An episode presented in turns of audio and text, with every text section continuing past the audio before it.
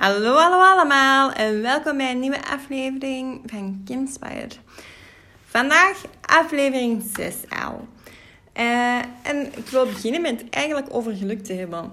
Um, in deze business wordt heel vaak gedacht um, dat sommige mensen echt gewoon geluk hebben en um, ja, daardoor een heel sterk team uitbouwen. Nu, geluk is geen pakketje dat via de post bezorgd wordt. Geluk komt ook niet uit de hemel vallen. Geluk kun je wel opwekken als jij een, je doel heel goed voor ogen hebt.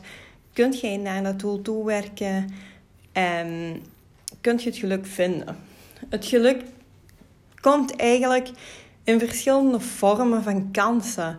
Sommigen ervaren die kansen helemaal niet. Anderen hebben te veel kopzorgen om ze te zien. Weer anderen leiden een heel druk leven en zijn bezig met zoveel pietluttigheden dat ze eigenlijk de kansen helemaal niet opmerken. En er is ook een groep mensen die de kansen wel ziet, maar geen beslissing durft te nemen omdat ze bang zijn, omdat ze te lang twijfelen om de sprong te wagen. Nu, de enige kans die ze krijgen om aan hun geluk te werken, laat ze aan zich voorbij gaan. Goede kansen gaan ook gewoon razendsnel voorbij. Je moet eigenlijk als je een goede kans krijgt dat naar je doel, je levensdoel toewerkt, zou je die direct moeten grijpen. Je moet dus eigenlijk leren om kansen te herkennen en meteen te reageren. En dat is ook wat onze business heel moeilijk maakt. En um, het is ook gewoon heel belangrijk om mensen die kansen te laten inzien. En te laten zien wat deze business voor iemand kan betekenen. Nu, belangrijk is ook dat je 100% toegewijd bent in alles wat je doet. Loop er de kantjes niet van af, maar doe gewoon je stinkende best. En zodra je je doel goed voor ogen hebt, wordt het gemakkelijker en je hoeft jezelf in situaties alleen nog maar af te vragen is dit volgens mijn eigen plan of niet? En dan kun je ook meteen een beslissing nemen en wordt het heel makkelijk. Als je niet de moeite doet om doelen voor ogen te houden, dan ben je gedoemd om een van die klagers te worden en ja, in een slachtofferrol te leven. Dus als je doelen nog niet hebt opgesteld, maak je levensdoelen ook. En dan heb ik het niet over businessdoelen, maar echt je levensdoelen. Wat wilt jij in dit leven nog bereiken? Nu, verspil geen tijd en energie door jezelf anders voor te doen dan dat je werkelijk zijt. Mensen laten zich vaak leiden um, door de gedachte wat anderen over hen denken. En stop daar onmiddellijk mee. Draag de kleding die je wilt, kapsel dat je wilt, rij met de auto die dat je wilt.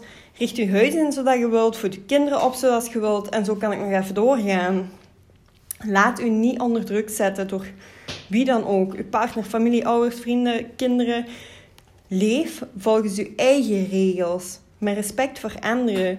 Doe geen anderen kwaad, maar wees ook lief voor uzelf. Zorg dat je naar die doelen toewerkt, maar zonder anderen te kwetsen. En gewoon door eerlijk en jezelf te zijn. En zodra de anderen zien die daar niet 100% achter je staan of hetgeen wat je doet, laten ze je ook met rust. En merken ze ook van oké, dit is wie dat is of hij is. En ze accepteren het gewoon. Nu, wie de basis van uw leven, wie verantwoordelijk is voor jouw doelen, wie verantwoordelijk is voor uw geluk, dat bent je zelf. Je draagt u er dan ook naar. Hoe meer dat je dat zelf gaat geloven, hoe meer dat je je, dat je je ernaar gaat gedragen ook. Hoe meer dat je vat zult krijgen op je eigen leven. En probeer ook eens te genieten van alledaagse dingen. Um, ook als je verdrietig bent of je eens een keer niet zo goed in je vel voelt, probeer er ook van te genieten, want op die momenten zijn belangrijk. Hoe meer dat je leert genieten van de kleine dingen, hoe meer dat je ook van de grote veranderingen gaat genieten in je leven. Als jij bijvoorbeeld een promotie hebt behaald, vier dat ook. Ik heb jarenlang bij elke promotie die ik behaalde, gewoon gedacht van ja, oké, doel behaald, hup, volgende doel.